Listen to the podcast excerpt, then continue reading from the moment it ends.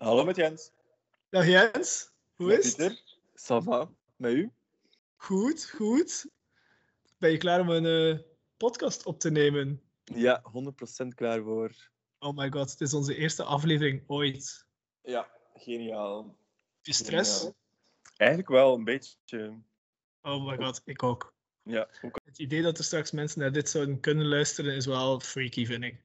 ja super angstaanjagend eigenlijk. Echt, eh oef. Oké, we gaan gewoon beginnen. Yes, kijk. Welkom iedereen bij de Hallo. eerste aflevering van... San Marino, 12 points. Woe! Yes.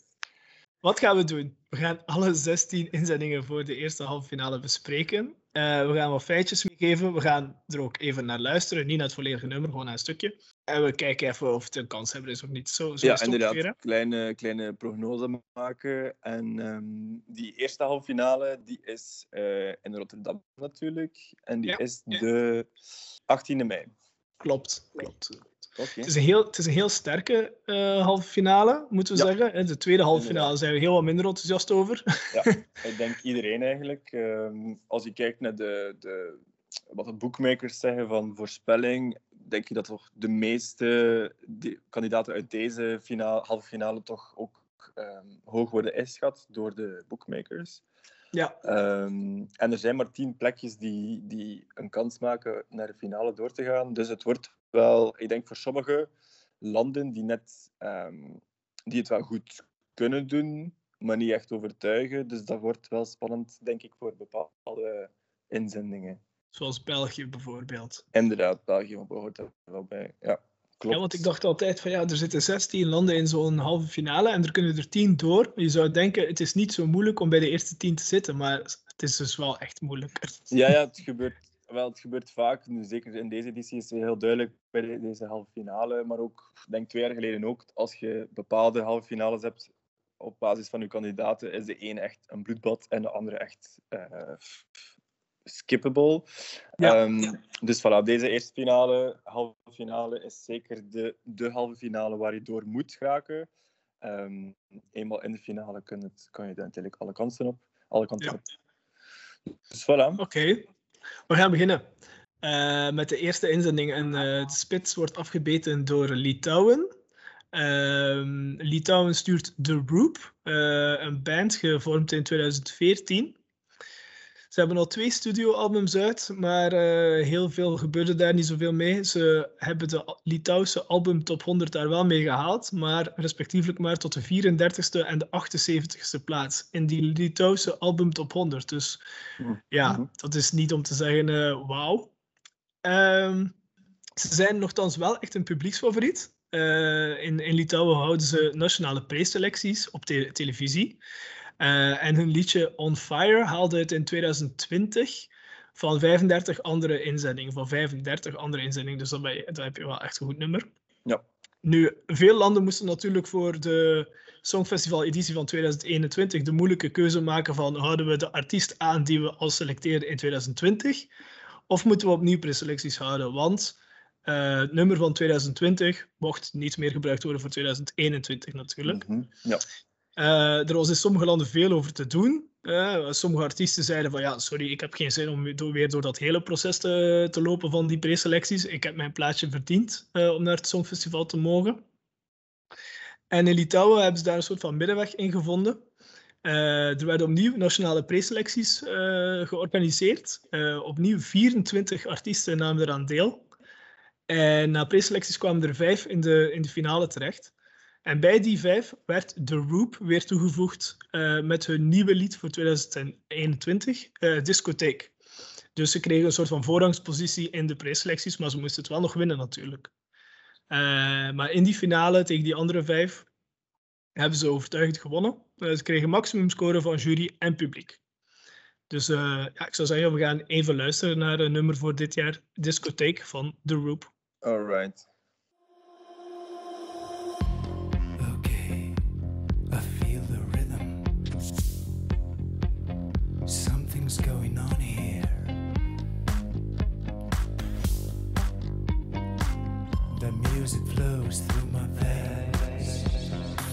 It's taking over me. it's slowly kicking in. My eyes are blinking and I don't know what is happening. I can't control it, don't wanna end it. There's no one here and I don't care. I feel it's safe to dance alone.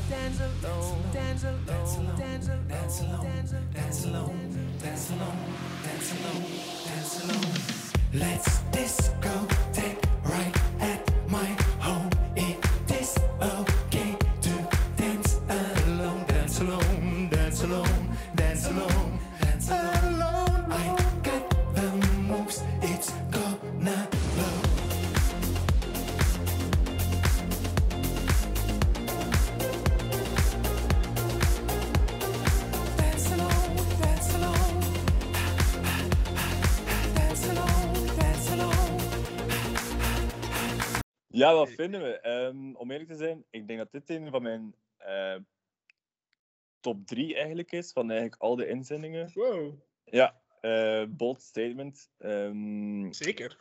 zeker, eh, maar zo ben ik wel. Ehm, goh, wel om eerlijk te zijn, ik vond On Fire van vorige, vorig jaar vond ik eigenlijk beter. Ja, On Fire was meer... Ja, ik vond dat een, meer, een beter afgewerkt nummer als het ware.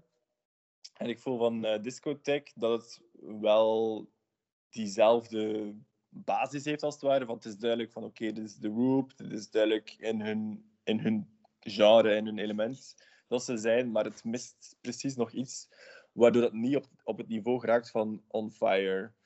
Ehm, gelukkig moeten we met On Fire helemaal geen rekening mee houden natuurlijk. Nee, natuurlijk niet. Maar omdat, er, allee, omdat het een kandidaat is van vorig jaar, wil ik het ook wel even vergelijken met vorig jaar. zeker, zeker, zeker. Ehm, ja, sowieso. Ja, ik, ik vind het ook echt een supergoed nummer. Eh, ik vind het echt super dansbaar. Eh, er zit ook zo'n instrumentaal stukje in dat eh, echt zo goed is. Zou even goed Goose kunnen zijn of zo. Ja. Ehm, en het, het pakt u echt gewoon mee en het is gewoon een goede flow, goede beat. Ik zou het echt opzetten in de auto. En, maar ja, Ja, voilà. inderdaad, wat je zegt, top 5, top 10. Ja, jouw top 3. Ik denk dat, ik denk dat het echt wel top 5 kan zijn. Sowieso. Ik denk ook dat het heel veel kans maakt. Ehm, sowieso in deze halve finale denk ik dat die gegarandeerd eh, doorgaan.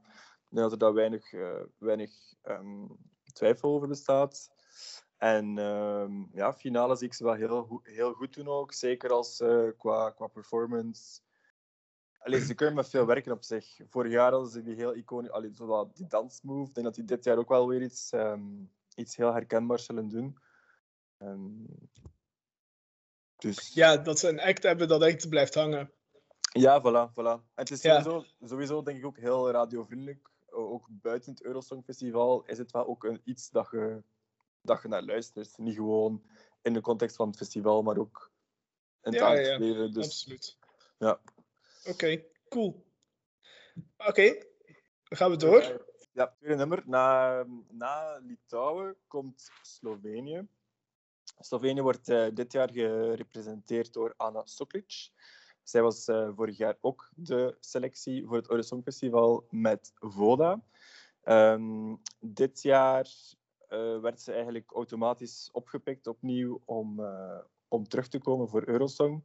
Ehm, eh, deze keer is dat met Amen, Amen werd geselecteerd na een speciale editie van hun nationale preselecties, waarbij dat ze drie verschillende songs aan het publiek voorstelden. En dan via televoting is er uiteindelijk voor Amen gekozen.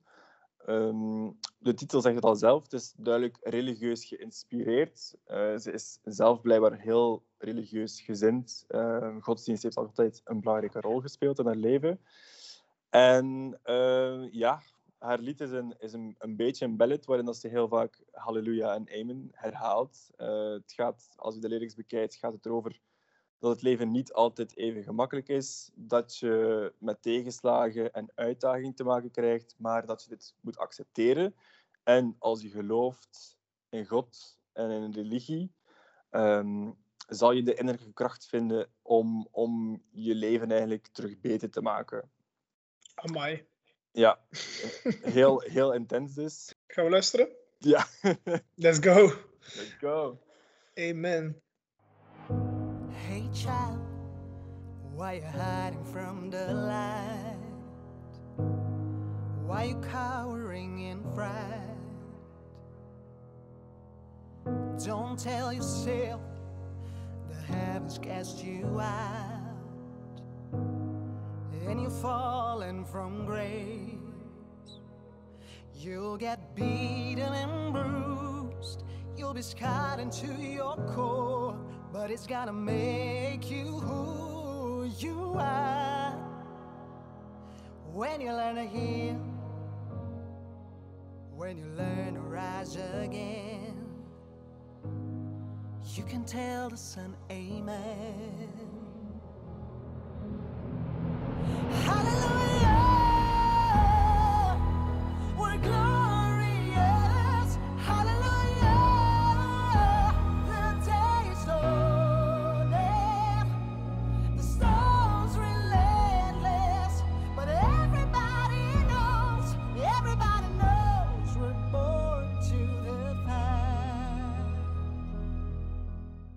Ja, het bouwt echt wel op, hè?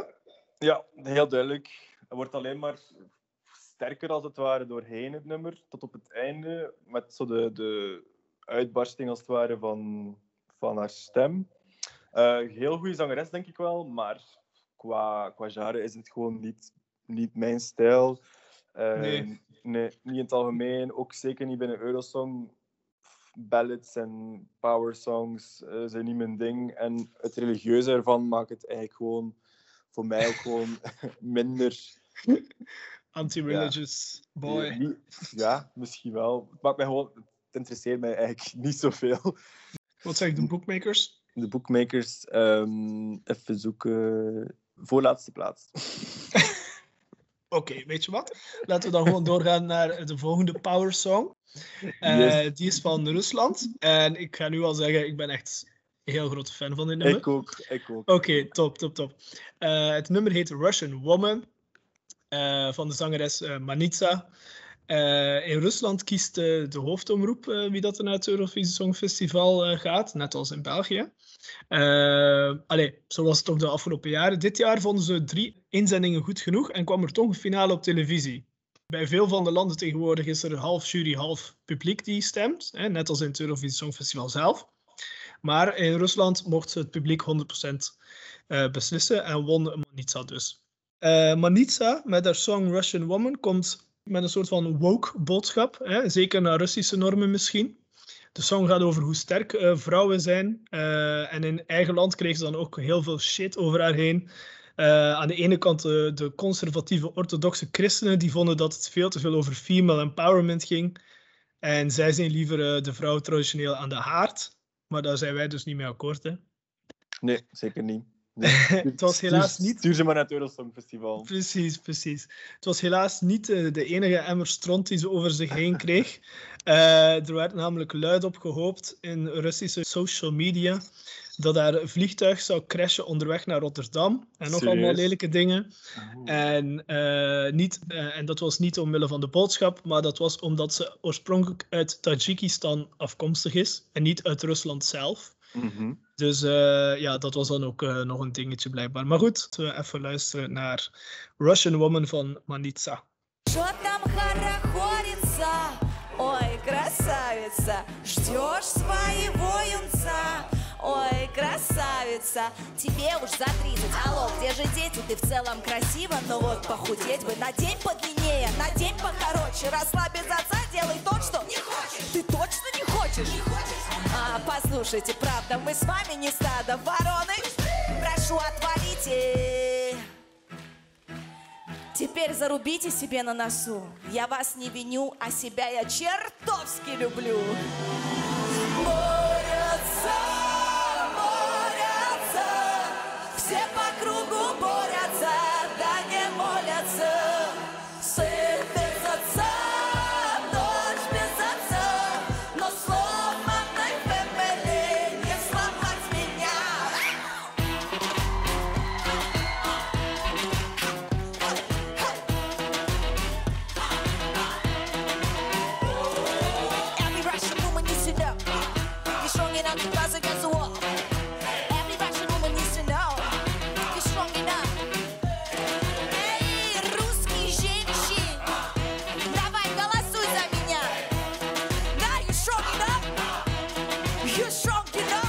Don't be afraid, girl. Ja. Leuk. mijn Russisch, eh, wat zeg je? Zalig, echt. ja, ehm, precies. Geniaal. Echt een ook van mijn favoriete, favoriete inzendingen. Zeker ook van Rusland van de laatste jaren eigenlijk. ehm, sinds lang dat ik ehm, voor hen supporter, denk ik. Ja. En eh, ook het feit dat ze dan in eigen land nog eens extra kritiek krijgt, net over de boodschap van een lied, maakt mij alleen, zorgt er alleen maar voor dat ik ze nog leuker vind en nog meer hoop dat ze goed scoort. Ik, Ehm, eh, ik zag op YouTube een interessante comment ehm, bij dit filmpje. Eh, het is een film met echt heel veel likes, maar echt heel veel, eh, naar Mhm. vergelijking van het aantal videoviews. Eh, en het moest het vertalen, want het stond in het uh, Cyrillische Russische schrift geschreven. En er stond: Niemand haat Russische artiesten meer dan de Russen zelf. dus, dus ze wordt volop gehaat in eigen land blijkbaar. Maar Ja. kijk, wij zijn fan. Ja. Eh, de boodschap is ook uh, supergoed natuurlijk. Female empowerment. Um, ik heb even een stukje vertaald van de lyrics. Uh, oh, ben je al 30 jaar oud? Hallo, waar zijn je kinderen dan? Je bent wel schattig, maar je zou wat gewicht moeten verliezen. Draag eens iets wat korter, draag eens iets wat langer, lach eens wat meer, et cetera, et cetera. Dus al, alle anti-feministische statements die vaak uh, vrouwen over zich heen krijgen, komen wel aan bod. Ja. Dus ja, uh, dat, dat maakt voor mij ook wel echt een, ja, qua boodschap en qua, qua song gewoon echt ja, een top inzending. Echt wel top 3 ja, of top 5.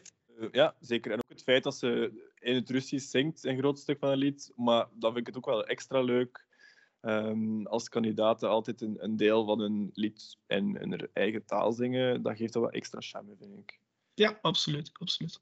Oké, okay, cool. Gaan we naar het vierde voilà. nummer, Zweden. Alright, dus naar Rusland gaan we naar Zweden. Zweden staat bekend voor hun uh, Eurosong-machine dat ze eigenlijk zijn.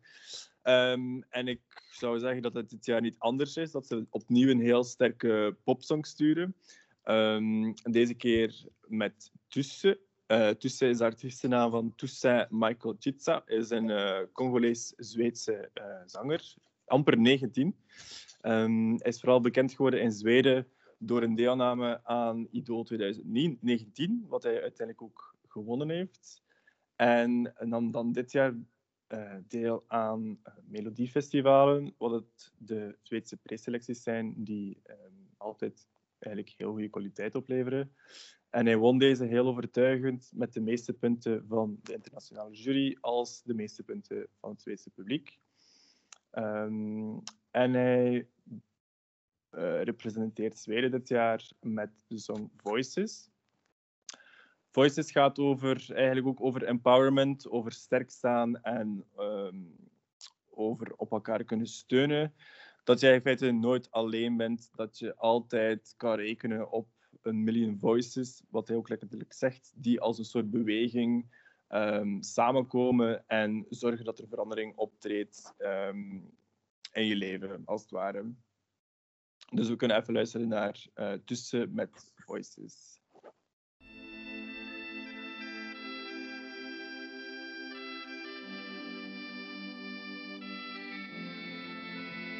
There's fire in the rain, but we'll get up again. We're thousand miles apart, but we'll overcome. I'll never let you down. Well, it's turning us around, but I feel it in my heart. Let's make a brand new start. Can stop us now, forget the haters.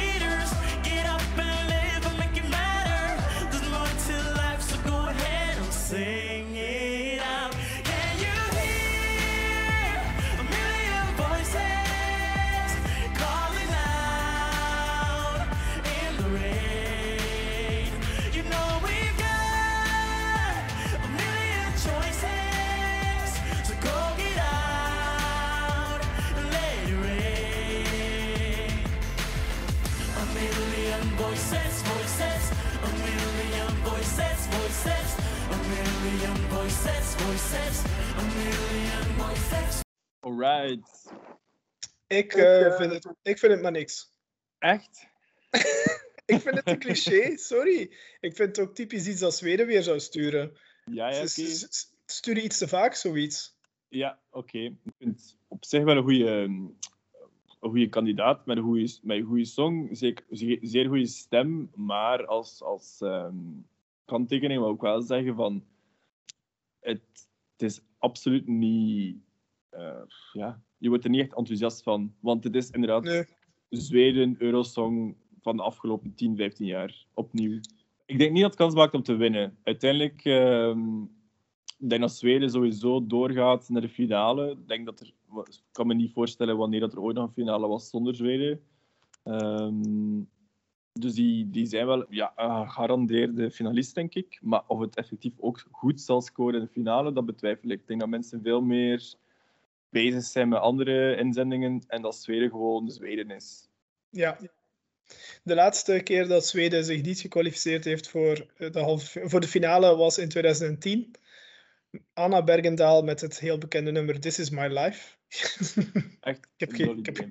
Nee. nooit gehoord. Nee, maar dit was ook de enige keer ever dat ze niet de finale hebben gehaald. Dus die Ja. Anna mag zich eh, een potje gaan schamen.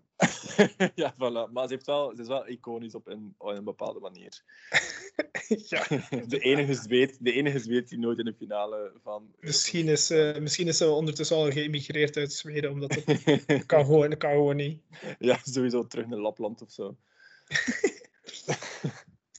Oké, Oké, dat was Zweden. dat was Zweden. En dan gaan we nu naar Australië. Australië wordt dit jaar eh, vertegenwoordigd door Montaigne met eh, Technicolor. Montaigne was in 2020 ook gekozen voor het eh, Eurovisie Songfestival door Australië. En toen bracht het nummer Don't Break Me, wat, toch wel, wat ik echt wel een heel leuk nummer vond. Ja. Ehm, Montaigne is bekend in Australië van haar gouden plaat Because I Love You. En ze werd ge- gestuurd door de Australische omroep SBS. Dus het was zonder eh preselecties of wat dan ook. En dit jaar doet ze mee met nummer eh, Technicolor. Eh, ze timmert al een tijdje aan de weg. Hè. Ze is pas 25, maar ze is al bezig vanaf, eh, vanaf 2012. Dus sinds haar tienerjaren is al, zit ze al in de muziek. Mhm. Je kunt wel al zeggen dat Australië niet het Eurosong komt, sowieso.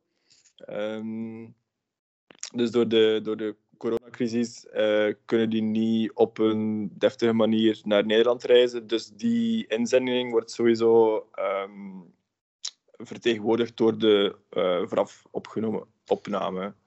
Ja, dat is misschien wel interessant. Misschien moeten we dat even eh, noemen. Dus voor het, eh, voor voor het Eurovisie Songfestival lagen vier scenario's klaar. Ja. A, B, C, D. In het A-scenario zat de arena vol met mensen. Ja, dus Eh, normale, normale, normale zoals- wereld. Ja, zoals het normaal gaat. Eh, B en C zaten tussenin. En D was eigenlijk eh, iedereen blijft thuis. En het zijn voorafgenomen opnames die we gaan uitzenden. Dat Ja. was het basically, hè? Ongeveer. Ja, Ja, ongeveer ja, en het scenario waar nu voor, voor wordt gegaan is het B-scenario, waarin de artiesten mogen afreizen. Ze mogen kiezen om dat niet te doen. Van elke artiest zijn drie vooraf, vooraf eh, opnames gemaakt van een Mhm. live performance, waar je moet op het Eurovisie Songfestival wel live performen.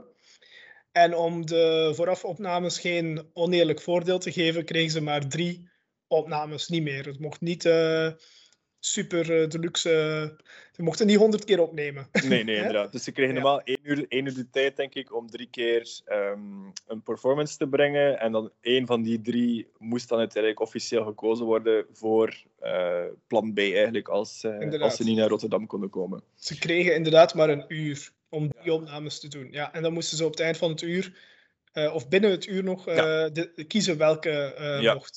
ja, alles, bij, en- alles binnen het uur, ja. Ja, en dat gaat Australië dus doen. Ja, inderdaad. Dus Australië komt niet naar het Eurosong. Het doet wel mee als kandidaat, maar komt dus niet vanaf, vanuit Australië afgereisd. En ehm, zal dus gebruik maken van die opname die ze opgenomen heeft. Precies. Gaan we eens luisteren? Heel graag.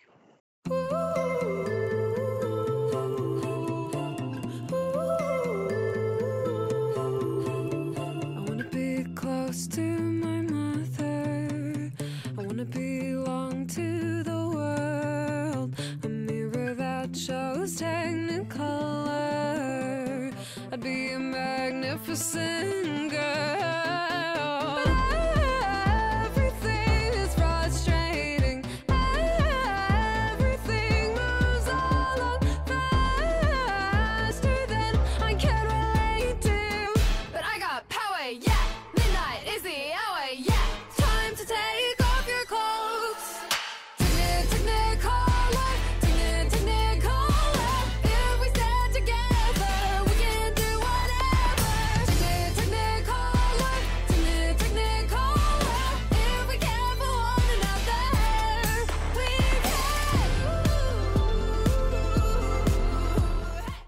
het nummer eh, ongeveer nu al wel een stuk of 15 keer gehoord. Dus ik ben, Ja. eh, ik ben wel gepassioneerd. Ik vind het wel een goed nummer. Ik, eh, ik, ik vind het wel een beetje moeilijk. Like, toen ik het de eerste keer hoorde, kan natuurlijk ook wel aan de live versie gelegen hebben. Op YouTube verscheen als live versie haar optreden in een voetbalstadium. En dat was Ja. toch niet zo... Ja, dat is precies alsof je een, een, ehm, in een emmer staat te zingen. Hè? Dus dat is akoestiek, akoestiek lijkt daar helemaal nergens op. Zoals zo vaak van die optredens. Bij, zelfs bij de Super Bowl is dat super moeilijk goed te krijgen. Eh, en toen, vond ik, toen was ik niet, niet overtuigd. En ook na de tweede of de derde keer luisteren misschien ook nog niet meteen. Mhm. En ik denk dat dat daar nog parten kan spelen tijdens het Eurovisie, Eurovisie Songfestival. Plus ook dat ze er niet is. Dat scheelt toch ook echt in de promo. Ja, mm, ik ga heel, heel bold zijn en zeggen sowieso top 5 voor mij van alle inzendingen is Australië. Ehm, op een of andere manier was ik precies direct overtuigd. Vond, vind, heel, vind een heel leuk liedje. Ik denk dat ik er ook wel bijna sowieso iedere week wel een paar keer naar luister. Ehm, dus ik gun het haar heel hard. Ehm, maar ze is een beetje een underdog, vrees ik. Opnieuw, deze halve finale is gewoon heel sterk. Ehm, dus ik denk dat ze het niet zal halen, vrees ik. Nee, ik denk het ook niet. Nee. Oké, gaan we naar Noord-Macedonië. Yes, Noord-Macedonië door Vasil Garvanliev gerepresenteerd. Hij is eh, Macedonisch van oorsprong. Hij werd eigenlijk al op zevenjarige leeftijd ontdekt toen hij blijkbaar op straat aan het zingen was. En hij maakte zijn eerste album toen hij acht jaar oud was. Ehm, in Noord-Macedonië is hij dus zeer gekend als eh, kindster eigenlijk. Ehm, maar tijdens het hoogtepunt van de oorlog in Kosovo, of rond Kosovo, ehm, is hij met zijn gezin naar de VS verhuisd. Waar hij dan ook in een kinderkoor actief bleef zingen. En uiteindelijk ook eh, meestal de belangrijkste solo, ehm, solo-stukken deed. Ehm, waardoor hij onder andere eh, backing vocals heeft kunnen doen voor Julie Andrews, Enrique Iglesias en Celine Dion. Nadien heeft hij, is hij eh, klassieke opera gaan studeren in Canada. En uiteindelijk heeft hij, ehm, heeft hij zijn stijl opnieuw geswitcht naar pop, wat hij als kindster ook al deed. Ehm, en ehm, begon hij ook, eh, of deed hij ook nog altijd backing vocals, onder andere voor Chance the Rapper's album Coloring Book. En ook voor Macedonië in eh, Eurosong 2019 met eh, Tamara Sprout, eh, wat ook hun beste resultaat was ooit, denk ik, voor Noord-Macedonië. Uiteindelijk werd hij intern geselecteerd door de nationale broadcast eh, voor Eurovision 2020. En voor deze editie hebben ze hem eigenlijk gewoon opnieuw behouden. En ehm, kwam hij deze keer met het lied Here I Stand. Maar ik stel voor dat we ook gewoon even luisteren. When I remember back, wish to have the child about to crack. I'll tell him, wait, you won't be long. Trust your heart and just stay strong. Cause baby, they all try to break us, not knowing it's what makes us. This is how we found our way. Now here I stand, there's no pretend. Walls are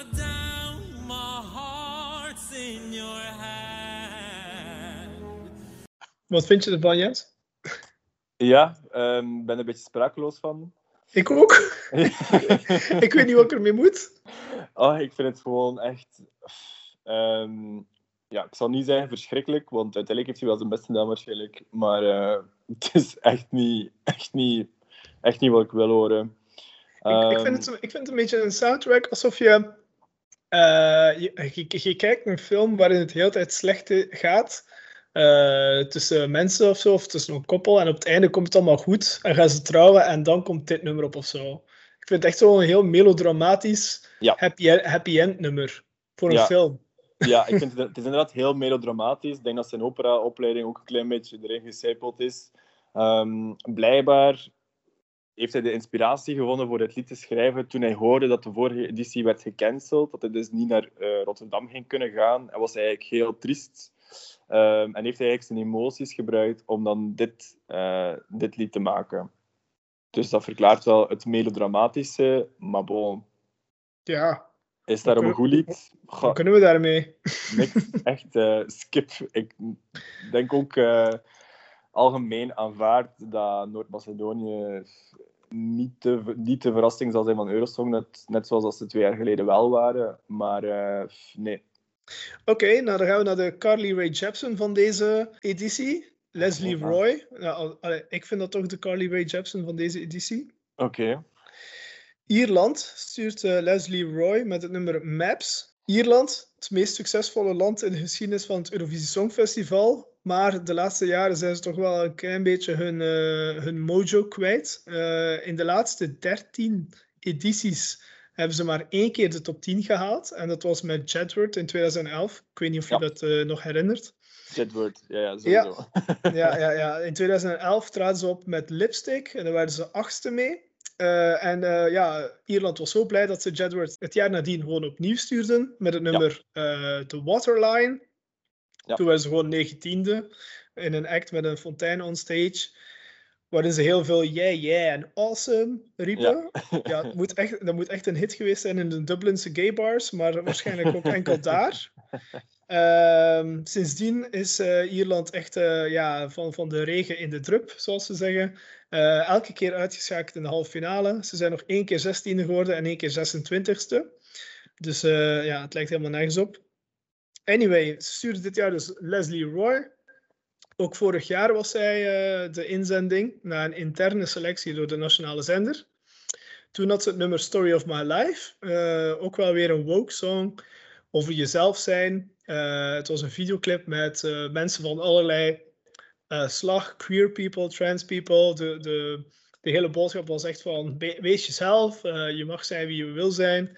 Ehm, de kleuren waren ook heel erg trans-minded, dus heel veel blauw en roze. Best wel een mooie boodschap achter. Well, they threw everything out of the window voor dit jaar, eh, want voor dit jaar sturen ze nummer Maps.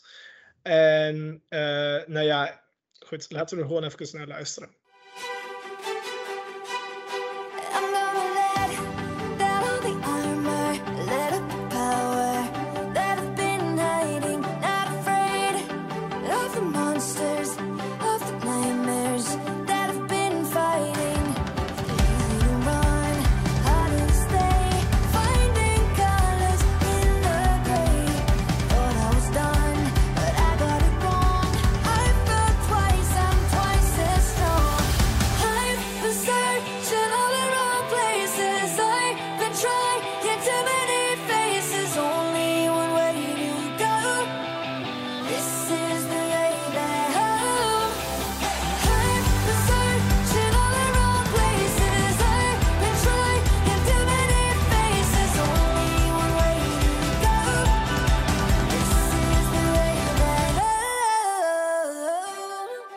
Ja, ze zingt eh, This is the way back home. Ik denk dat ze haar maps al nodig hebben om de way back home snel terug te vinden.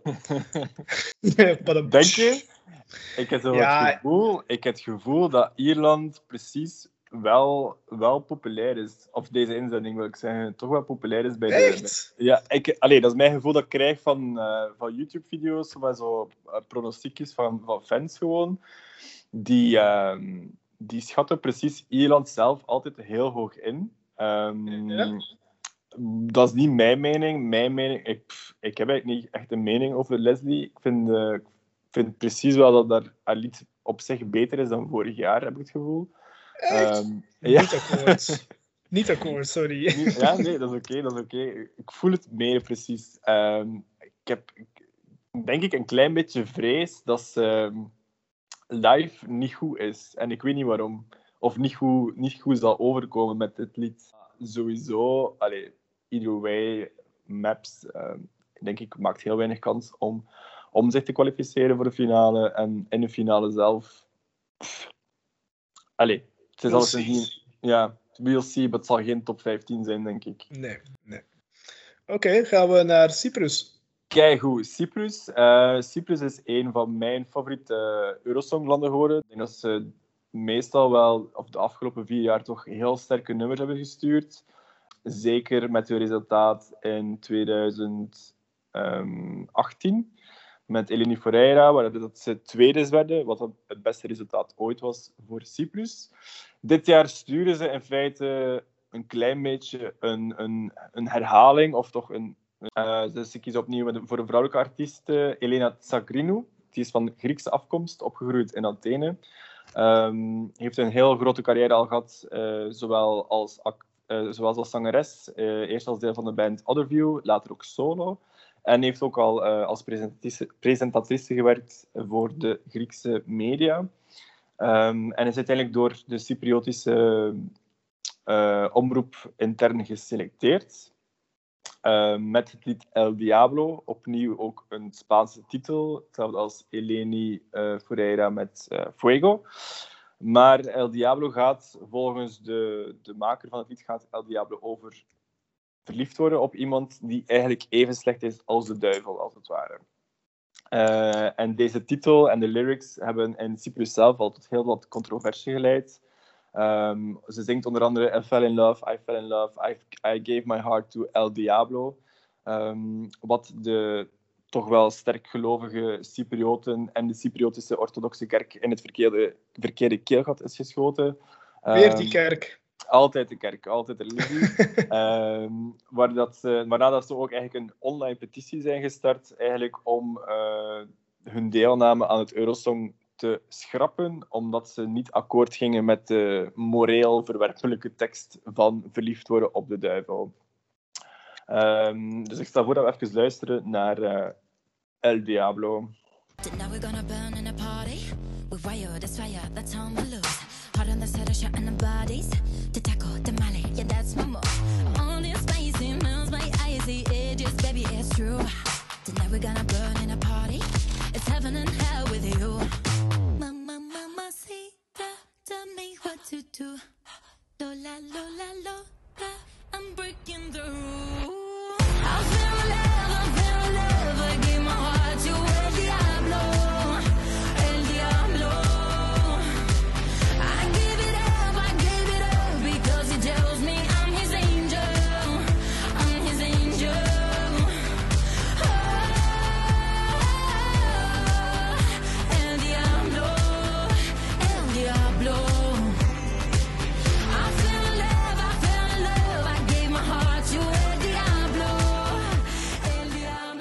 Vind het wel een leuk nummer.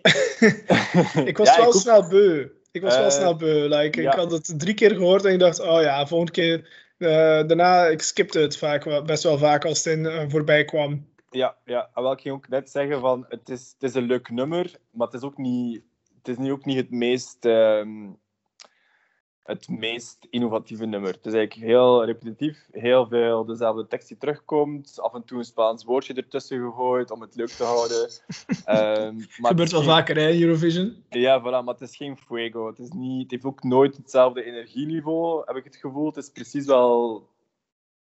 Ja, het is niet rustig, maar het is wel veel rustiger dan fuego. Maar allee, ik vind het op zich wel een heel sterk nummer. Of ja, sterk, een goed Eurovisie-songnummer. Ehm, maar of het echt veel potten zal breken, dat waarschijnlijk niet. Maar ik denk wel toch een, mooie middenmoot plaats. Dat sowieso wel. Gaan we naar het negende nummer. We zitten nu over de helft. Ehm, Noorwegen, Tix Fallen Angel. Eh, we hadden het daarnet al over de preselecties in Zweden en hoe serieus ze het daar allemaal nemen. In Noorwegen is dat precies hetzelfde. In Zweden heet het dan Melodiefestivalen. In Noorwegen noemen ze het Melodie Grand Prix. Vind wel een leuke naam. Nu, eh, het hele selectieproces op tv duurt ongeveer een maandje met ongeveer zes of zeven uitzendingen. Vraag me niet hoe die Noren dat precies allemaal hebben uitgevonden. Maar er waren vijf halve finales, waarin de artiesten het dan tegen elkaar moesten opnemen in gold duels. Heel erg eh, The Voice-achtige vibes. Eh, maar sommige waren ook al pre-qualified, dus meteen gekwalificeerd. Ik weet niet waarom. En andere vielen dan af. Maar voor sommige afvallers was er dan wel een plekje in een soort van second chance finale. Dus eh, die, die Noren moeten echt eh, maand lang aan de televisie zijn gekluisterd geweest met zoveel uitzendingen. Maar na veel vijven en zessen kwam dus eh, Tix met Fallen Angel als winnaar uit de bus. In de preselecties heette het nummer eerst anders. Ze hadden het eerst ingediend als een nummer in het Noors. Maar in de finale, naar de finale toe zeiden ze nee, we willen het toch in het Engels brengen. En werd het dus Fallen Angel. En met succes dus. Gaan we eens Ja. luisteren?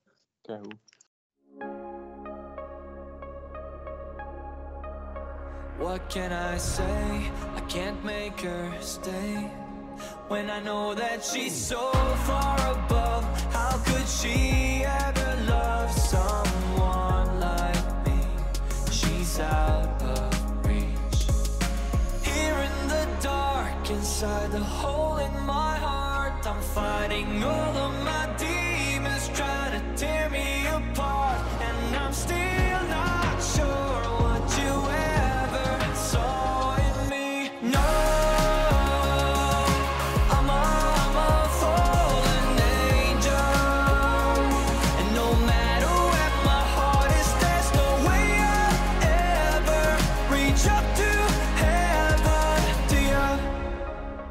Ja, bon.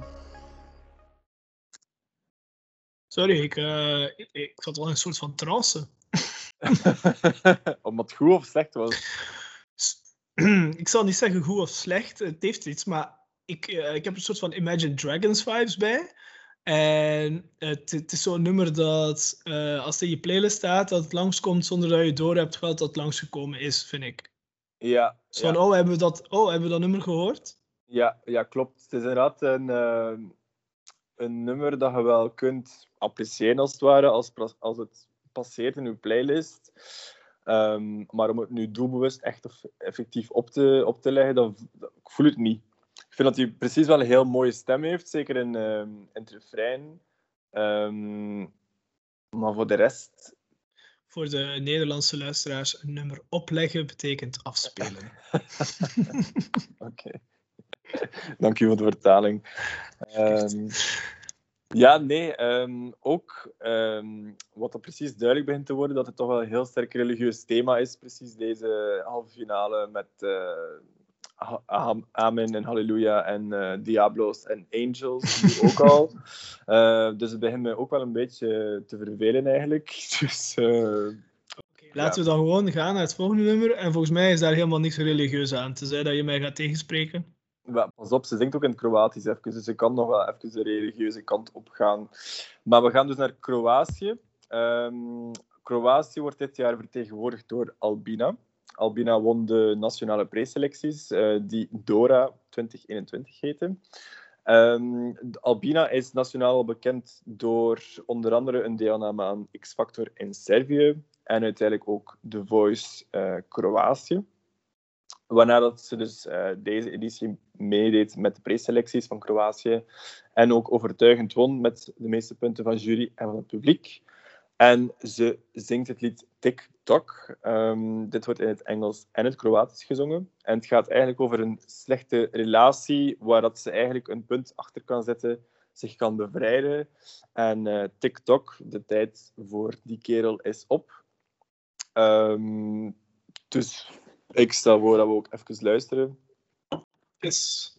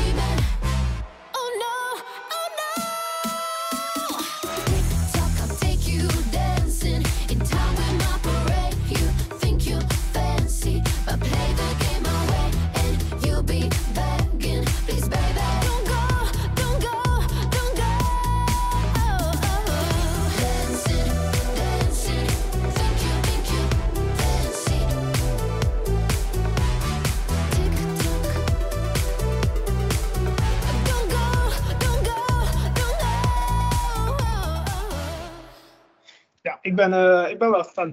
Ja, ik ehm, ben zo nog heel gemengd erover, precies. Maar ik vergeet, vergeet altijd een beetje dat, dat Kroatië, of Kroatië deze editie ook meedoet. Ehm, dus het is sowieso geen hoofdvlieger voor mij. Ik moet wel zeggen, ik denk dat het de eerste keer is in lange tijd dat Kroatië nog eens een deftige nummer stuurt naar het Eurosong. Ehm, dus credits where credits are due. Sowieso geen slecht nummer. Maar ehm, ja, ik weet gewoon niet of ze in deze, deze mix van kandidaten ook effectief een kans maakt. Ja, het, het is wel waar wat je zegt. Zo. eh, ik kan mij nu niet per se een Kroatische inzending voor de geest halen waarvan ik zeg, oh ja, weet je nog, Kroatië toen? Supergoed. Nee, Eh, wel. ik, vind, ik vind het wel lekker eh, dansbaar. Ik vind het ook wel leuk. Ik vind het stukje dat ze in het Kroatisch doet eigenlijk nog het leukste stukje. Ik weet niet waarom. Ja. Eh, ja, het is wel, ik vind het wel een leuk nummer voor om in, eh, you know, in de auto, zonnebrilletje op, eh ruitje open. TikTok. Ja, ik vind het wel zo- leuk. Ja, en dat sowieso ook een, eh, een lied is dat ook wel blijft hangen in je hoofd. Gewoon TikTok, het is niet zo moeilijk. Ehm, en ik denk dat ze er ook wel iets mee kan doen. Als, in, eh, als een optreden kan ze er veel mee doen. Ehm, ze had ook een heel knappe danser in haar videoclip. Ik hoop dat hij dit jaar Dat helpt altijd. dat hij ook meekomt naar Rotterdam. Eh, ik denk dat dat haar, haar toch wel een paar punten kan opleveren. Ehm, maar ik denk dat ze in deze halve finale een beetje een underdog is. Dus ofwel maakt ze die underdog-status waar en eh, kan ze zich plaatsen voor de finale, ofwel net niet. Ik denk dat dat nipt wordt voor, voor haar. Maar ze maakt op zich wel kans. Nog een underdog en dan zitten we aan het elfde nummer. België. Aha. Hooverphonic met The Wrong Place. Nu, wat moeten we nog vertellen over Hooverphonic en België? Ik bedoel, eh, je zou denken dat de luisteraars misschien het wel weten, maar in België hebben we geen nationale preselecties meer. Ik denk dat dat afgeschaft is nadat ongeveer Sergio en de Ladies en Xandy en eh, consorten naar het eh, Songfestival hebben gestuurd. Toen moeten VRT en de RTBF zoiets gedacht hebben van... Nee, sorry, dit kunnen we echt niet overlaten aan, eh, aan, de, Ja. aan het eh, stemmende publiek. En ze hebben gelijk, hè. Eh, maar goed, dus uh, Hooverphonic werd vorig jaar gekozen door de VRT. Dus voor de Nederlandse luisteraars in België wordt de kandidaat het ene jaar gekozen door de Vlaamse omroep VRT en het andere jaar door de Waalse omroep RTPF. En in 2020 werd Hooverphonic, een Vlaamse band, gekozen door VRT. Eh, dat ging natuurlijk niet door, maar in 2021 vond RTBF het ook wel prima om Hooverphonic gewoon nog een keer te sturen. Dat eh, bespaarde hen ook weer een hele preselectie intern. Eh, anyway, wat is er veranderd? Nummer Release Me van 2020 mocht natuurlijk de vuilbak in. En de, zo- de zangeres van Hooverphonic, Luca, die werd ook bedankt voor bewezen diensten. Eh Gijke Arnaert kwam terug bij de band. Eh Gijke Arnaert was al zangeres van de band Hooverphonic te- toen ze hun eh, grootste, grootste successen hadden met on- onder andere Mad About You. Het nummer voor dit jaar heet The Wrong Place. En ja, ze zijn underdog voor de, voor de halve finale, dus het zou wel een keer kunnen waar zijn dat ze ook in The Wrong Place gaan belanden dit jaar. Ehm, gaan we luisteren? Ja, graag.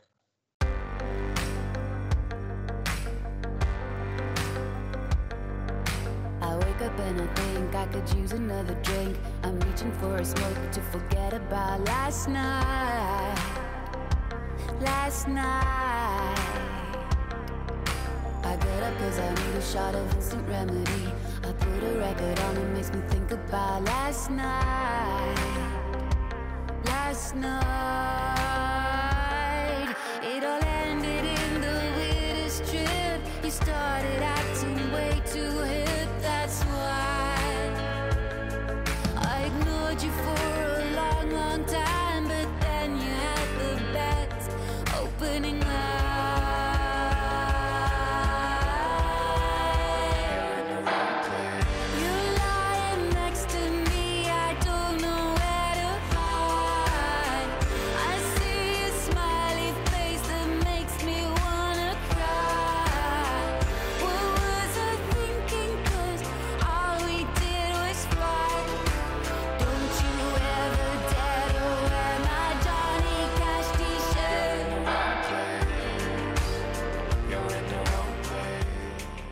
Jens, wat vind je van eh, The Wrong Place? Yes, the wrong place. Ehm, ik heb twee, twee tegenstrijdige meningen eigenlijk.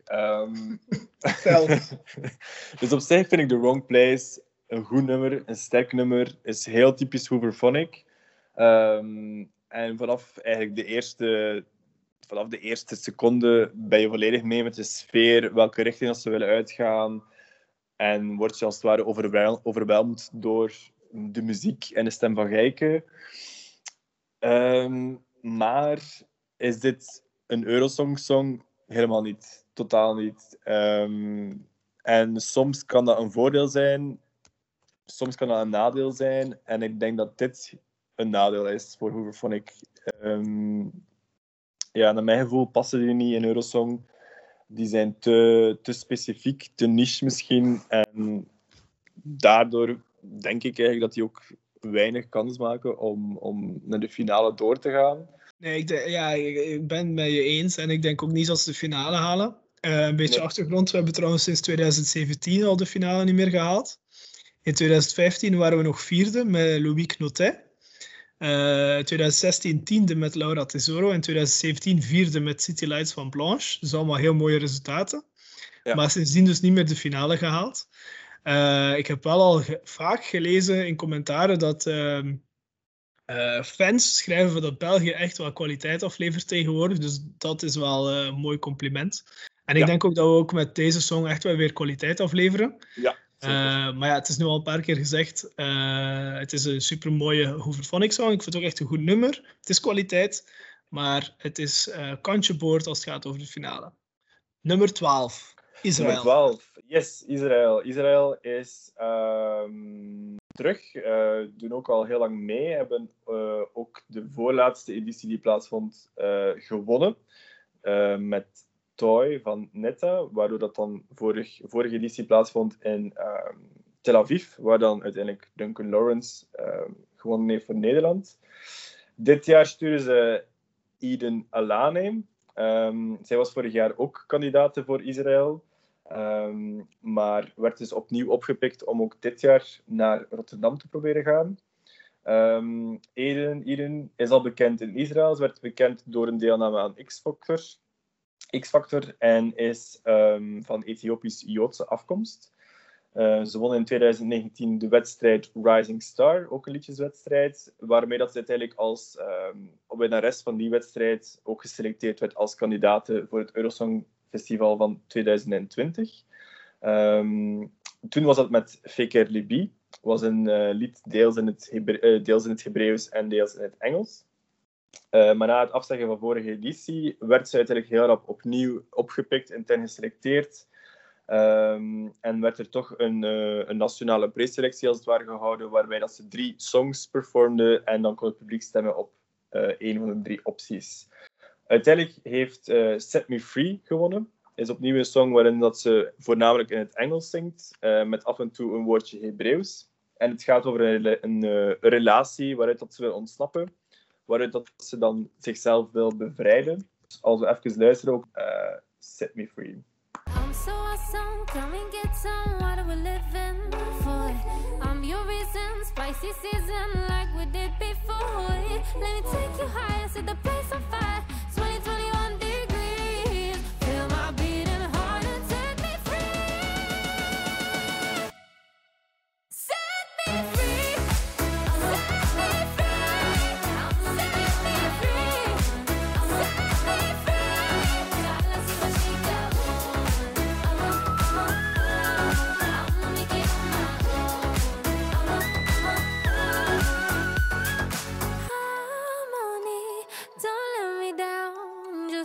Me free.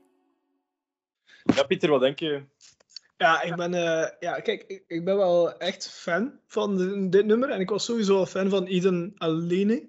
Eh, ik vond Fikir Lebi van vorig jaar ook een heel leuk nummer. Ik vind eh Eden Alene echt wel een leuke, leuke zangeres, leuke nummers. En Set Me Free vind ik eh, ook wel echt een heel goed nummer. Ik hoop, eh, ik hoop dat ze doorgaan naar de finale en top 15 of zo. Ja, Ja, absoluut. ja. Oké, ik ga akkoord. Ehm, ik vind het heel leuk dat ze dan die hoge, bijna wisseltoon doet op het einde. Ehm, ik hoop ook gewoon dat ze dan die in, in een live versie ook kan brengen. Ehm, maar een heel leuk nummer, heel leuke vibe. Ook zo wat de typische, de, hoe moet ik het zeggen, die, zo, die Midden-Oosterse klank. Dat is wel sterk gebruikt in haar, in haar, in haar lied. Ja. Dus ja, ben, ben heel benieuwd om die ook te zien eh, optreden, om, te, om die te zien performen. Ik denk dat hij heel veel kans maakt als hij een heel sterk optreden brengt ook, om door te gaan. En dan kan ze inderdaad in de finale ook wel een goed resultaat behalen. Ik denk het ook. Ik denk het ook. Yes. Ik support, ik support er wel voor haar. Eh, als, er op, als het op nippertje aankomt, dan eh, ga ik wel zitten van kom aan Israël. Ja, ja, misschien ja, misschien nog wel eerder dan kom aan België. Ga ik nog meer eh, kom aan Israël eh, zitten. Ja. Oké, gaan we naar nummer 13 van de 16. En we naderen al een beetje het einde. Roemenië. In Roemenië ging de preselectie echt een beetje op een gekke manier. Daar had het televisiestation dat verantwoordelijk was een deal gesloten met één recordlabel. Met als reden dat ze een groot belang hebben en veel succes hebben in de Roemeense muziekindustrie. Ik vind dat wel opvallend dat dat gewoon zo wordt geregeld, maar goed. En hoewel dat er werd gezegd dat het label niet betaald is, eh, heeft het selectietraject tussen aanhalingstekens de televisiezender toch 69.000 euro gekost. Waarvoor dan? Raar verhaal, toch? Nu, Ja. de- eh, doe me echt denken aan corruptie, sorry. nu, eh, de, de- de volgende stap in het selectieproces was dat een jury één artiest van dat label zou gaan kiezen die vijf nummers zou gaan schrijven. Nu, ze kwamen niet uit bij één artiest, of ze kwamen niet overeen. Er werden drie artiesten geshortlist, waarvan Roxanne won. Eh, ook deels omdat ze in 2019 een hit had in de regio met het nummer You Don't Love Me. Eh, nu goed, toen moest Roxanne dus vijf nummers gaan schrijven en kwam er een nationale finale op televisie. Eh, en je zou denken, ja, in veel landen waar een nationale selectie wordt uitgezonden op televisie, is er heel veel aandacht voor. We hebben het al over Noorwegen en Zweden gehad. Eh, Maar in Roemenië keken er 200.000 mensen op 20 miljoen Roemenen. Eh, dus dat is echt belachelijk weinig. Dus eh, er is absoluut Mhm. geen aandacht voor, eh, voor het selectieproces in Roemenië. Eh, maar goed, eh, dit, dit gaat al voor, allemaal over 2020 trouwens. Eh, sorry, had ik moeten vermelden in het begin. Ehm, Alcohol You, eh, dat is de song waarmee ze toen won. En stond ze ook aangeschreven als top 5 kanshebber. Eh, Maar goed, toen was het dus eh, gecanceld. Op 18 maart 2020 werd het Eurovisie Songfestival gecanceld. En eh, ongeveer twee weken later meldde Roemenië dat ze Roxanne gewoon aanhielden voor 2020. En opnieuw moest ze zes songs schrijven. Waardoor, waarna één van de zes songs werd gekozen door een jury. Dus het, het werd niet meer uitgezonden op televisie. Ik denk dat ze in Roemenië een soort van hun conclusies hadden getrokken dat het niemand interesseerde. Ehm, En Amnesia, dat is de song van Roxanne voor dit jaar, eh, werd dan gekozen door een jury. Ik ga even gaan luisteren naar eh, Amnesia.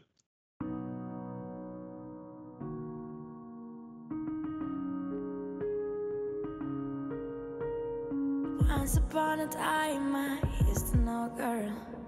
Ripped jeans, messy hair, shining like a pearl.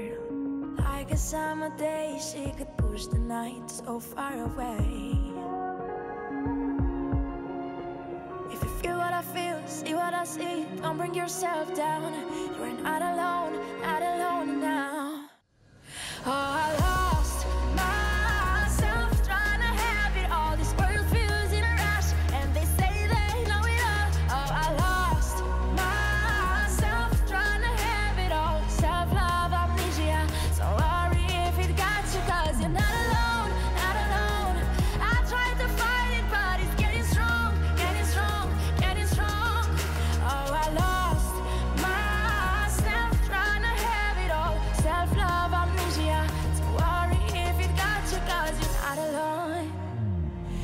Ja, het is geen slecht nummer, maar ik moet zeggen, elke keer dat ik eh, die Eurovision playlist opzet, Mhm. of zelfs toen ik dit nummer weer aan het luisteren was in de voorbereiding, ging dit nummer gewoon voorbij zodat ik- zonder dat ik het door had, dat het afgespeeld was. Ja, Ik, het is geen slecht nummer. Ik vind het echt geen slecht nummer, maar het is een beetje saai of eentonig en ik heb er nogal weinig mee. ja. Ik denk, voor mij mag het in de halve finale blijven, eerlijk gezegd. echt? Oké, wauw. Ja. Ja, nee, want ehm, ik besefte net toen ik nu ook opnieuw aan het luisteren was. ehm, want ehm, ik vond precies altijd voor mij dat Roemenië top 5 was in heel, de, heel, de, in heel het gedoe. Maar nu toen ik het nu opnieuw hoorde, was ik het precies al beu. Het, het, ja. ik hoorde het opnieuw en ik dacht van... ah Zo snel. Ja, zo snel. Het is... het, het blijft niet hangen. Dus dat, dat belemmert haar kansen wel, denk ik, om, om het heel goed te doen uiteindelijk. Maar het is een sterk nummer, sowieso. En ik denk dat ze ook heel goed... ehm, of ik hoop toch dat ze ook heel goed live klinkt. Ehm, dus eigenlijk mag ze wel doorgaan naar de finale, maar top 5 hoeft niet meer voor mij ondertussen. Het hoeft niet meer voor jou. Nee, voor mij niet. Voor haar waarschijnlijk wel, maar voor mij niet meer. Ja, maar je zegt van ja, je vond, je vond het dus eerst wel goed, maar nu zeg je top 5 hoeft niet meer. Nee, nee, nee. De, eerste, de eerste weken van, van het beluisteren vond ik het echt goed. Ehm, en nu ben ik, ja, ben ik er klaar mee. Oké. Ik ben er ook klaar mee. Tijd voor Ja. Azerbeidzjan. Tijd voor Azerbeidzjan. Dus Azerbeidzjan. Azerbeidzjan ehm, won tot nu toe het eh, Eurosong, Eurovisie Songfestival één keer. Dat was in 2011 met het eh, fantastische Running Scared. Fantastisch. Eh, ja, sowieso. Sarcasme? Heel, heel sarcasme, ja. Kijk. Ah, oké. Ehm, sindsdien ehm, hebben ze wel altijd in de finale gestaan, zeg ik nu uit mijn hoofd. Ehm, dus ze staan wel garant voor een bepaalde kwaliteit voor Eurosong, maar echt hoge toppen hebben ze niet meer ehm, bereikt. Ehm, de vorige editie wel, dat was het terug top 10. Ehm, maar nu sturen ze Samira Effendi, of Effendi als artiestennaam.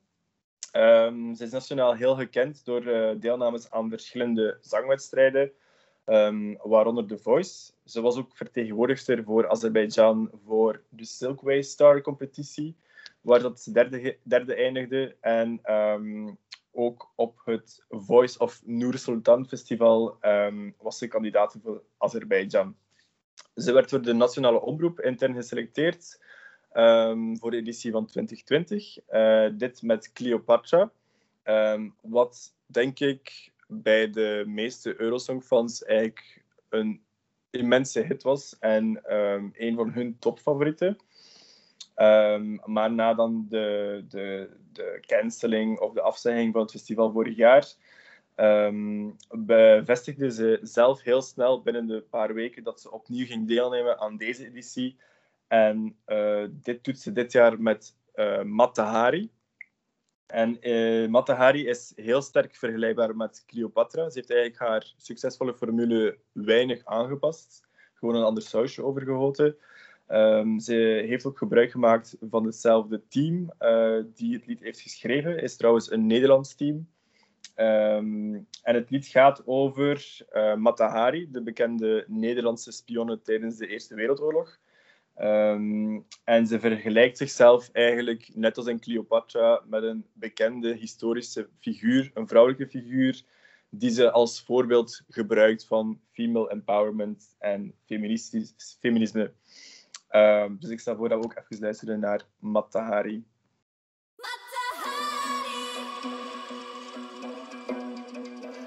I'm a godless spy, I'm a spy, I uncover all of your secrets, I want them. There's no stopping me now. I'm a liar, playing the game of desire. Ain't gonna leave no survivors. Would you fall for me now? Just like Cleopatra, the army of lovers.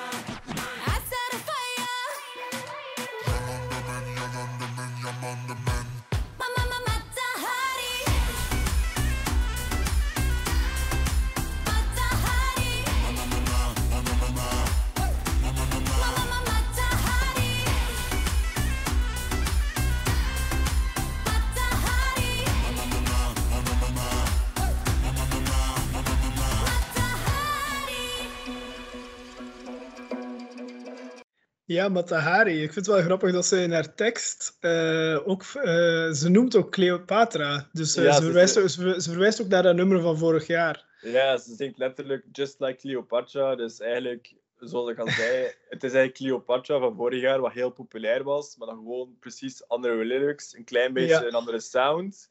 Ja. In de hoop waarschijnlijk dat het opnieuw aansloeg. Ehm, Is wat het wel doet, wat het wel doet, denk ik. Het is Ja? een heel, heel leuk nummer. Ehm, maar het is niet zo sterk als vorig jaar. En ook de, de, de nieuwigheid is er ook wel een beetje vanaf. Dat is eh, het probleem bij nog inzendingen. Hè? Maar daar komen Ja. we waarschijnlijk bij terecht eh, als we het over IJsland gaan hebben. Ja, ja, Spoiler. Ja, maar daar dacht ik Eh, ook aan. Ja, dat is wat de- het risico van dezelfde ja, kandidaat. ik- Ja, ja, dat is zo. Dat is zo. Ja, ik vind het wel, eh, ja, in sommige zaken pakt het beter uit. Ik vind bijvoorbeeld Hoeverphonic beter dan vorig jaar. Ja. Ehm, maar eh, ja, goed, Cleopatra was een leuk nummer. Ik vind Matahari ook een leuk nummer. Ehm, ik denk toch wel dat het doorgaat naar de finale. Ja, 100%. Ik denk dat er heel weinig twijfel is. Ehm, ook al gaat het hier over de sterke halve finale. Ik denk dat zij sowieso, sowieso denk ik, de, de fanbase heeft al door vorig jaar. En ze komt opnieuw met een leuk nummer. Dus die is gegarandeerd, eh, staat die in de finale, denk ik. Nu, eh, Oekraïne. Yes, Oekraïne. Song nummer 15, voorlaatste nummer van vandaag. Ja. Oekraïne stuurt de band Goa, geschreven G-O underscore A. En ze hebben ook qua muziekstijl een soort van Goa-achtige stijl. Ehm, in Oekraïne was dan ook al snel een uitgemaakte zaak dat Goa, of Goa, zou deelnemen aan de 2021-editie. Dat werd al beslist op 18 maart 2020, de dag van de cancellation van eh, Eurovision 2020. Dus eh, in Oekraïne dachten ze, fuck it, we sturen opnieuw hetzelfde. Eh, maar in 2020 moesten ze dus wel nog voor hun plekje vechten. Toen werden er ook nationale preselecties gehouden. 16 artiesten deden mee. Eh, de helft van de punten werden door de jury gegeven, de andere helft door het publiek. Eh, grappig eh, om te weten is een van de drie juryleden van het Oekraïnse, voor de Oekraïnse preselecties was ehm Andriy Dinilko. Maar die ken je waarschijnlijk beter als de Eurovision meme sang Verka Serdushka. Die, die won bijna in 2007 met het nummer Dancing Lasha Mhm. Had Bijna hadden we, de, we hadden bijna deze podcast naar zijn inzending vernoemd. Hè? Klopt. Eh, als je nu geen idee hebt over, waarover het gaat, zoek even op eh, YouTube Oekraïne Eurovision 2007. Eh, hij werd echt een instant meme. Eh, hij kwam ook nog voor in allerlei films, waaronder eh, de Hollywoodfilm Spy met Mel- Melissa McCarthy en Jason Statham. En hij verschijnt ook nog vaak eh, als act tijdens eh, finales in andere, eh, in latere edities van het Eurovisie Songfestival, zoals ook in Zweden, geloof ik, of eh, twee, jaar, twee, drie jaar geleden kwam hij ook nog een keer voorbij. In een soort van sing-along. Ja, samen- ja. in Israël was dat inderdaad. Met eh, ook nog eh Loreen was erbij, geloof ik. eh, en andere artiesten. Dus ja, Verka Sedushka Forever verbonden met het Eurovisie Songfestival. Ja. Anyway, terug, na- terug naar dit jaar. Shum van Goa. Anders zou ik echt nog een half uur over Verka Sedushka kunnen praten. Volgende aflevering. Voor ja, een speciale aflevering. Special, special edition. Ja. Er staan twee versies van Shum op Spotify. Eentje heet gewoon Shum, eh, S-H-U-M. Dat is de officiële inzending. En dan, dan heb je nog eentje die ook Shum heet. eh, maar dan in de Cyrillische tekens, dus de Russische versie. Die is vier minuten lang. Dat is te lang voor Eurovision. In Eurovision mag een nummer maar drie minuten duren. Eh, nochtans, ik vond de langere versie beter. Maar goed, eh, er moet een maximum op staan eh, qua, qua lengte van een nummer. Dus werd het Shoom drie minuten lang. Laten we even luisteren.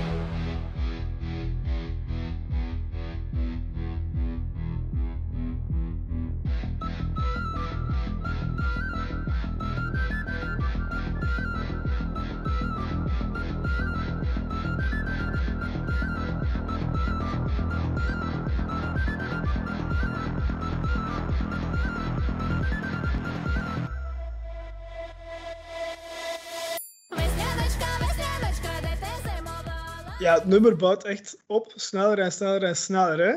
In, het, Ja. eh, in de clip gaat iedereen op tijd ook fucking wild, alsof ze op een rave zijn. Ja. Eh, ik kreeg echt direct zin om te gaan dansen. Ik ook. En ik vind het, eh, vind het heel sterk om uiteindelijk... Je krijgt drie minuten van, van, van de EBU om, om uw lied te maken. Allee, uw lied mag maar drie minuten lang zijn. En dan vind ik het heel sterk dat je in die drie minuten, wat dat Goa doet, eigenlijk heel veel opbouwt en afwisselt van tempo. Ook heel veel ehm, muzikale stukken gebruikt. Waardoor dat het veel langer lijkt dan drie minuten. Maar niet op een slechte manier. Het voelt echt als een, als een volwaardige song. Zonder op één moment ooit te vervelen. En dat vind ik heel sterk van, om, het, om met die beperkte tijd dat ze krijgen zoveel te doen. Ja, inderdaad. Ik, ik, ik moet zeggen, ehm, eh, eh, agree en not agree op een bepaalde manier. Voor mij eh, voelt, want je zegt van het lijkt voor mij al- alsof het langer duurt dan drie minuten. Voor mij is dat nummer altijd veel te snel voorbij. Voor mij, voor mij lijkt dat nummer altijd te kort. Maar ja, echt superleuk. En super ook dat, super ook dat Oekraïens. Ja. Heel vind ik echt heel vet. Ja, En de clip, ja, ik wil, het- ik wil het niet te vaak over de clip hebben, want de clip krijgen mensen toch niet te zien bij Mhm. Eurovision. Maar ik Mhm. vind de clip heel cool, want het heeft eh, echt Mad Max vibes. Ze zitten op een soort van half legervoertuig. Eh, en, en ze rijden rond in de Oekraïnse bossen en Chernobyl komt in beeld en zo. Het, het heeft Ja. echt een soort van, hoe heet dat? Je hebt, je hebt van die, van die, van die cyberpunk vibes. Krijg Ja, ik er zo ook van- van. Dystopisch ook een klein beetje. Maar supergoed nummer. Ah, ik zal eh, even heel, ook, eh, heel gedurfd statement maken. En eh, voor mij mag Oekraïne winnen eigenlijk heel het Eurosong Festival dit jaar. Bam! Hopla, het is eruit. Het is gezegd. Wauw. Eh, nee, ja, ik ben wel, ben wel eens. Eh, ik ga nog niet zo ver dat ik zeg van dit mag winnen, want ehm, ik ben er nog niet helemaal aan uit. Maar ik ben wel een heel grote fan van dit nummer en van deze band ook. Ik heb ook Ja. eh, al hun albums geluisterd op Spotify. Dus dat, dat, betekent, dat betekent al iets. Hè. Als ik geïnteresseerd ben, ik ga de albums luisteren. Zeker, ja, ja klopt. Dus nou ja, goed, ja, ik ga zeker zeggen top 3. Dus dat was Oekraïne. En dan gaan we nu naar het allerlaatste nummer van de eerste halve finale, Malta. En Malta, dat is de topfavoriet, toch? Ja, ja, ja, klopt, inderdaad. Eh, dus Malta treedt nu op als 16e, als allerlaatste in deze halve finale. En zoals dat je zegt, is eigenlijk sinds, ehm, of was eigenlijk al heel lang eh topfavoriete, ook al had ze nog geen nieuw nummer uitgebracht voor deze editie.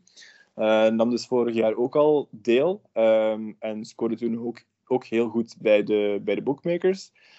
Dus dit jaar werd ze al heel hoog, ook heel hoog geplaatst voordat haar song uitkwam. En sinds, eh, sinds ze Je me casse eh, is ze eigenlijk heel snel naar de nummer 1 positie gebracht. En daar staat ze voorlopig nog altijd. Dus het zou wel, heel, zou wel eens goed kunnen dat Malta ook effectief heel deze ehm, wedstrijd wint. Ehm, maar wie is Malta? Malta wordt eh, dit jaar eh, vertegenwoordigd door Destiny. Ehm, Destiny is amper 18 jaar oud, is dus de jongste deelnemster van dit jaar, eh, maar heeft een heel indrukwekkende stem. Ehm, is het ook al gewend om te winnen, want ze is namelijk de winnares van Junior Eurosong 2015. Eh, toen met Not My Soul.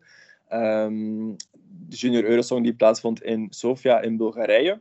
Eh, ze is van eh Maltese-Nigeriaanse afkomst eh, en haar vader is blijkbaar een professionele voetballer geweest in Nigeria. Ehm, dus zoals gezegd is ze sinds jonge leeftijd al heel sterk bezig met muziek geweest. Ehm, voordat ze Junior Eurosong won, nam ze al deel aan verschillende muziekwedstrijden en heeft ze onder andere ook de junior-editie van Sanremo, het festival in Italië, gewonnen. Ehm, daarna won ze in 2015 Junior Eurosong met een eh, recordaantal aan punten, ehm, waarna dat ze ook van de Maltese overheid de ehm, Medal of eh, Service to the Republic heeft gekregen eh, als vertegenwoordig- vertegenwoordigster van Malta het buitenland. Ehm, na haar overwinning heeft ze nog deelgenomen aan Britain's Got Talent. En uiteindelijk heeft ze ook The Voice Malta gewonnen in ehm, 2019, waardoor dat ze in feite de, kandidaat, eh, de kandidatuur verkreeg voor Eurosong 2020.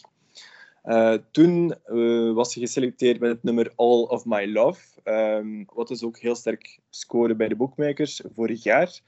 Ehm, en na de afzegging van de vorige editie werd ze eigenlijk ook al binnen de enkele weken bevestigd als kandidaat voor deze editie.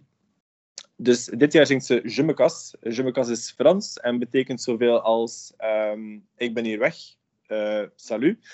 Ehm, haar, eh, lyrics, ja, haar, lyri- haar lyrics zijn duidelijk feministisch geïnspireerd. Gaat over female empowerment. Ehm, en ze vertelt eigenlijk een verhaal waarin dat ze als vrouw of een vrouw wordt aangesproken door een man die haar op allerlei manieren en heel cliché probeert te versieren, maar eh, de vrouw in, in het lied wil er eigenlijk helemaal niets van af weten en ehm, verkondigt eigenlijk dat ze veel sterker staat alleen en dat ze geen man nodig heeft om, eh, om te zeggen wat ze moet doen. Dus eh, we luisteren even naar Je you? Are? You look like an angel keep talking, into my ego. But you're on a rich no pickup line. Hell no, what you gonna do? Hell no, I am not your honey. Hell no, I don't want your money.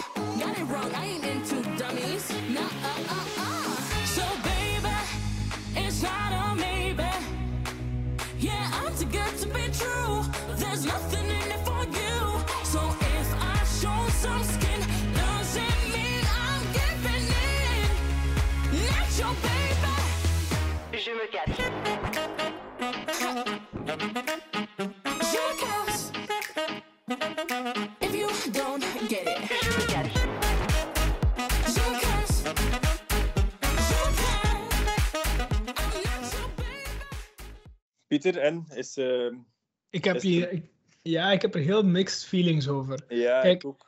Kijk, ik wil niet dat het wint. Ehm, ik, vind het, ik vind de boodschap goed. Ik vind de, er zitten leuke stukjes in. Zoals dat stukje over van... Hell no, I don't want your money. Eh, dat vind ik wel een heel leuk stukje. Eh, maar dan dat refrein van... De- die saxofoon of whatever het is, trompet. De, dat, dat deed mij direct denken aan die, aan die inzending daar van Moldavië met die eh, epic sex guy. Ja. Eh, sex, niet seks. Ehm, eh, en eh, eh, het doet mij. eh, Oh, het is te makkelijk. Te, te, te... ik weet, ik weet het niet. Ik, ik, ik heb er niks mee. Ik, vind- ik ben, ik ben nummer heel snel beu geraakt. Ja. Ehm, maar ik moet wel zeggen, ja, in de bookmakers staat het op één. Bookmakers zeggen niet altijd alles, maar ze hebben wel vaak de top 5 goed. Ehm, maar de bookmakers dachten voordat Malta zou winnen ook dat Zwitserland ging winnen. We komen nog bij Zwitserland in de volgende aflevering. En Zwitserland is echt een draak van een nummer. dus, dus ik hoop echt dat, eh, dat het... eh, nee, ik, ik, sorry, ik gun het niet de overwinning. Nee, klopt. Ga ik volledig akkoord. Ehm eh, allee, ik vind wel, we kunnen wel duidelijk zeggen, toch in mijn mening vind ik wel dat duidelijk is dat, dat Destiny een fantastische zangeres is, een heel, heel zotte stem heeft. Ehm, wat dat in dit lied ook duidelijk wordt. Ik ben sowieso meer fan, of ik was sowieso meer fan van haar, van haar inzending van vorig jaar. Ehm, en Je is het, het, het, ik vind inderdaad het refrein, het, het bouwt heel sterk op. En ze zegt heel leuke dingen. En dan is ze van... ehm, ze wil precies ergens naartoe. En dan zakt het voor mij wat in elkaar. Op het moment dat ze Je me als refrein gebruikt, vind ik dat het nummer eigenlijk echt uit elkaar valt. Ehm, gaat Ja. het, niet, het gaat niet in de richting waarvan ik dacht dat het naartoe zou gaan. En ik ben niet mee. Ik ben niet mee. Ik snap wel waarom dat ze die eerste plek nu heeft bij de bookmakers. Ook als ze de videoclip kijkt. Ze is, ze is heel sterk aanwezig. Ze zingt sterk. Ehm, ze heeft ook zo een heel specifiek dansje op het refrein, wat ze waarschijnlijk ook wel zal gebruiken op het Eurosongfestival zelf. Eh, wat dat ook vaak een... Allee, ik denk dat ze wel Ja. goed snapt. Ik denk dat ze heel goed snapt van hoe win ik het Eurosongfestival. En dat ze al die elementen die helpen bij het winnen ook effectief heeft toegepast. Ehm, maar ik vind wel dat je er rap doorkijkt van Ja, ja, het is gemaakt om te winnen, maar het spreekt mij niet aan. ik, eh, kijk, het ding is natuurlijk altijd dat wij als voorbereiding hierop, en ook gewoon omdat wij fans zijn, eh, die nummers al 20, 30 keer hebben gehoord voordat Ja. het Eurovisie Songfestival wordt uitgezonden. Eh, maar de meerderheid van de mensen die gaan stemmen straks, die hebben die nummers nog nooit gehoord. En dan denk ik van, dat is misschien wel in het voordeel van Malta. Ja, sowieso. Sowieso. Sowieso. Want na drie Ja. keer je het beu. Maar Ja. als je het één keer hoort, denk je van, oh ja, leuk nummer. Ja, ja, ja, maar dat is het verschil inderdaad als je er echt mee bezig bent met Eurosong en al maanden op voorhand mee bent met de inzendingen en dan heel het verhaal volgt. Dan heb je Mhm. natuurlijk een heel andere kijk op het festival, want voor u is dat gewoon... Het Eurosong Festival is precies het einde van heel, die, heel dat avontuur van maandenlang, waarin dat je elk liedje 10, 20, 30 keer beluistert. En dit in verschil met mensen die het gewoon op de avond zelf zien, wat dat waarschijnlijk het grootste deel van de, van de Europese kijkers zijn. Die zien dat ene keer of twee keer als ze de halve finale ook volgen. En dan maken ze op basis daarvan, en waarschijnlijk ook beïnvloed door wat dat media zegt, op basis van de bookmakers, van ah ja, die maakt veel kans. Ehm, dus ik snap inderdaad wel waarom dat ze als favoriete wordt bekeken. Ook gewoon de boodschap die ze, die ze draagt, kun je allee, gelijkstellen met Netta, die ook een, een, een, een, als het ware een female empowerment song zong. eh, en ook gewonnen heeft. Dus het past wel precies, als ik, allee, als, misschien is dat korter de bocht, maar het past wel in die boodschap of in diezelfde stijl. Mhm. Ehm, en ik denk wel dat veel mensen dat aanspreken. Ja, ik, ja, ik denk het ook. En inderdaad, wat dat we zeggen is van... eh, ik heb het even op, snel gegoogeld net. eh Eurovisie Songfestival haalt elke editie nog ongeveer 200 miljoen eh, kijkers. Ja. Eh, het blijft echt traditie. Ondanks dat soms in België, heb ik het idee, of in Nederland misschien ook, mensen af en, na een bepaald moment zijn afgehaakt. Blijft het wel echt een van de meest bekeken events ter wereld. Ja. Eh, na, misschien nog de, na misschien nog de wereldkampioenschapfinale voetbal of zo, maar, of de Super Bowl. Nee, zelfs de Super Bowl is minder. Eh, Eurovisie blijft echt een van de meest bekeken eh, dingen ter, ter wereld. En natuurlijk hebben niet al die mensen al die songs gehoord vooraf. Nee, Dus, nee, nee. Nee. ja, maar ja. Ja, en ook, ook uiteindelijk de juries. Want ik denk wel dat ze effectief... Allee, die heeft al een stem. Dus ik denk bij de jury ook dat die heel veel punten kan halen. Ook bij, op basis puur professioneel gezien. Of op de kwaliteit van, van de zangkwaliteit. Denk ik dus dat ze uiteindelijk wel zowel de, jury, de stem van de jury als de stemmen van het publiek kan binnenhalen. Waardoor dat ze logisch gezien wel veel kans maakt om te winnen. Maar ik, eh, ik heb wel het idee dat als ik naar de voorbije jaren kijk, dat de juries daar is even weinig pijl op te trekken als het publiek. Eh, Ja, ja. De, ene, de ene jury is de andere niet. En ik bedoel, eh, hoeveel mensen zitten in zo'n jury en vanuit welke invalshoek kijken zij naar een nummer? Kijken ze naar het muzikale? Kijken ze naar hoe goed is dit op Eurovision? Daar hebben we eigenlijk geen idee over. Dat is echt niet zo transparant. Het is niet Dus- zo transparant, maar allee, ik denk dat je ondertussen wel een klein beetje kunt inschatten van welk lied dan de jury wel gaat appreciëren en welke, welke niet, bijvoorbeeld. Ja, ja. Ehm, ja, vaag misschien. Allee, daarmee dat ik wil zeggen van Malta maakt gewoon wel veel kans om zowel bij, de publiek, bij het publiek als bij de jury zeker in een top 5 te belanden, denk ik. Ja, ja, ja, zeker. Ja, het is topfavoriet, dus eh, we zullen zien. En we- ik heb even de statistieken erop nagekeken. Van de laatste vijf edities, of zes eh, edities, eh, hadden ze meestal wel goed wie eerste werd. Maar ook maar in de helft van de gevallen. Maar ja, dat is best Ja. wel een goede, goede rate. Misschien nog interessant om te zeggen is, die bookmakers, hoe werken die? Dat is niet alsof dat daar eh, een André Vermeulen zit en wat andere kenners die al super lang meedraaien en dat die denken van, oh ja, dat nummer gaat goed scoren en dan zetten ze dat nummer goed in de bookmakers. Die, die, die bookmaker scores zijn letterlijk opgebouwd gewoon aan de hand van hoe mensen gokken. Ja, Dus als ik nu 10 euro zet op België, dan gaat de kans voor België al met een heel miniem procentje eh, omhoog dat België kan winnen. Omdat ik erin geloof. En zo werkt het. Dus het is eigenlijk een, bijna een self-fulfilling prophecy. Ja, dat is waar. Het, is, ehm, het, heeft zijn, allee, het heeft sowieso zijn voordelen, denk ik, als boek. Of de, allee, de statistieken van de boekmakers, gewoon als, om een beetje een beeld te krijgen. Maar het, het, ik denk dat het ook wel mensen beïnvloedt. Ja, Ehm, absoluut. Op Als, als, er wordt, als er wordt gezegd van eh, deze artiest staat op één in de bookmakers, dan wordt er automatisch meer aandacht gegeven aan Ja. die artiest. Voilà, voilà. Dus het is, eh, het is een vicieuze cirkel. Een vieze cirkel, ja. Ja. Goed, we, we hebben alle 16 inzendingen nu besproken. Eh, we kunnen bijna afsluiten. De volgende aflevering gaan we het hebben over de tweede halve finale, uiteraard. Ja, heel, Eh, heel, eh, heel enthousiast daarover. Sowieso goede kwaliteit. eh, ook heel moeilijk volgende halve finale. Veel, veel keuze. Ehm, alleen niet, niet echt, maar bon. Was je sarcastisch nu? Ja, ja sorry. Ik- continue. ik- het, kwam, het kwam niet helemaal over bij mij, maar eh, ik dacht al, huh, waar heb je het over? Ja, de tweede halve finale. Ik denk dat de podcast voor de tweede halve finale misschien een stuk korter wordt. Ja, dat zou wel, dat zou wel een keer goed kunnen. Maar bon, oké. Eh, dus, eh, Misschien, misschien om deze aflevering af te sluiten. We hebben er 16 besproken. We doen een pronostiekje. Welke zes vallen er af? Jens? Ja. ehm, oké, eh, even... Ik zal gewoon de volgorde afgaan. Dus mijn Ja. mening, wie gaat er niet door? Slovenië, ehm, Noord-Macedonië, dan Ierland, België en Noorwegen. Ik, dan heb je er vijf. Ah, shit. Wacht, je hebt Slovenië, Noord-Macedonië, Ierland, Noorwegen en België, toch? Ja. Dan heb je er vijf. Oké, Kroatië. Paar. Kroatië met TikTok. Ja. Ik, eh, ik heb hetzelfde, behalve dat ik denk dat Kroatië wel doorgaat en ik denk dat Australië afvalt. Maar Ja, terwijl ik het Ah, ja, zeg, denk... Wat zeg je? Dat was, nu mijn, dat was mijn persoonlijke top 6 die afviel eigenlijk. Wat ik denk dat er gaat gebeuren, is natuurlijk iets anders. Ja, ja, precies. Technicolor. Ik ben fan, hè, maar ik denk dat het gaat afvallen. Ja, nee, inderdaad. De logische, de logische pronostiek is inderdaad dat Australië afvalt. Waarschijnlijk eh, gaat Israël ook niet door en Kroatië waarschijnlijk wel. Allee. Dus het is niet...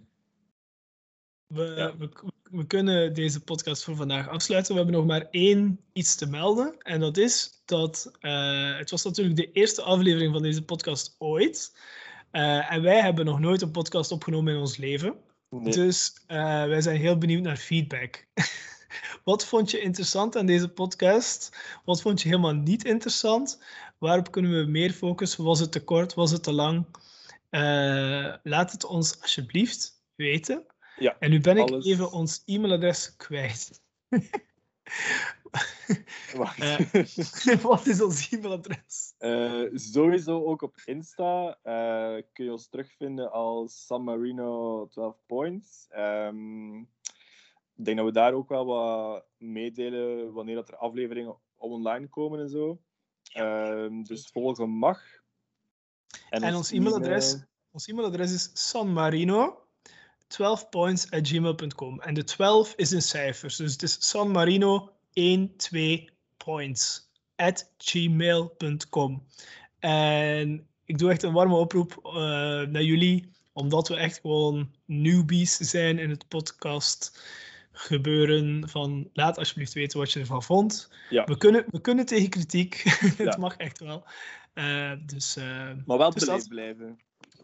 Geen scheldwoorden, alsjeblieft. Ja, Wij zijn ook maar tere zieltjes. inderdaad. inderdaad. En wij, Maar doen ook maar, wij doen ook maar gewoon ons best. Voilà. Oké, Oké. Jens, dankjewel. en- Ja, jij ook, Pieter. Bedankt. En eh, kijk, volgende aflevering wordt de tweede halve finale. En dan is ook San Marino van de partij. Ehm, woehoe! yes, dus ehm, hou jullie maar klaar. Ehm, en dan horen we elkaar de volgende keer. Tot de volgende keer. Alright, Doei! ciao.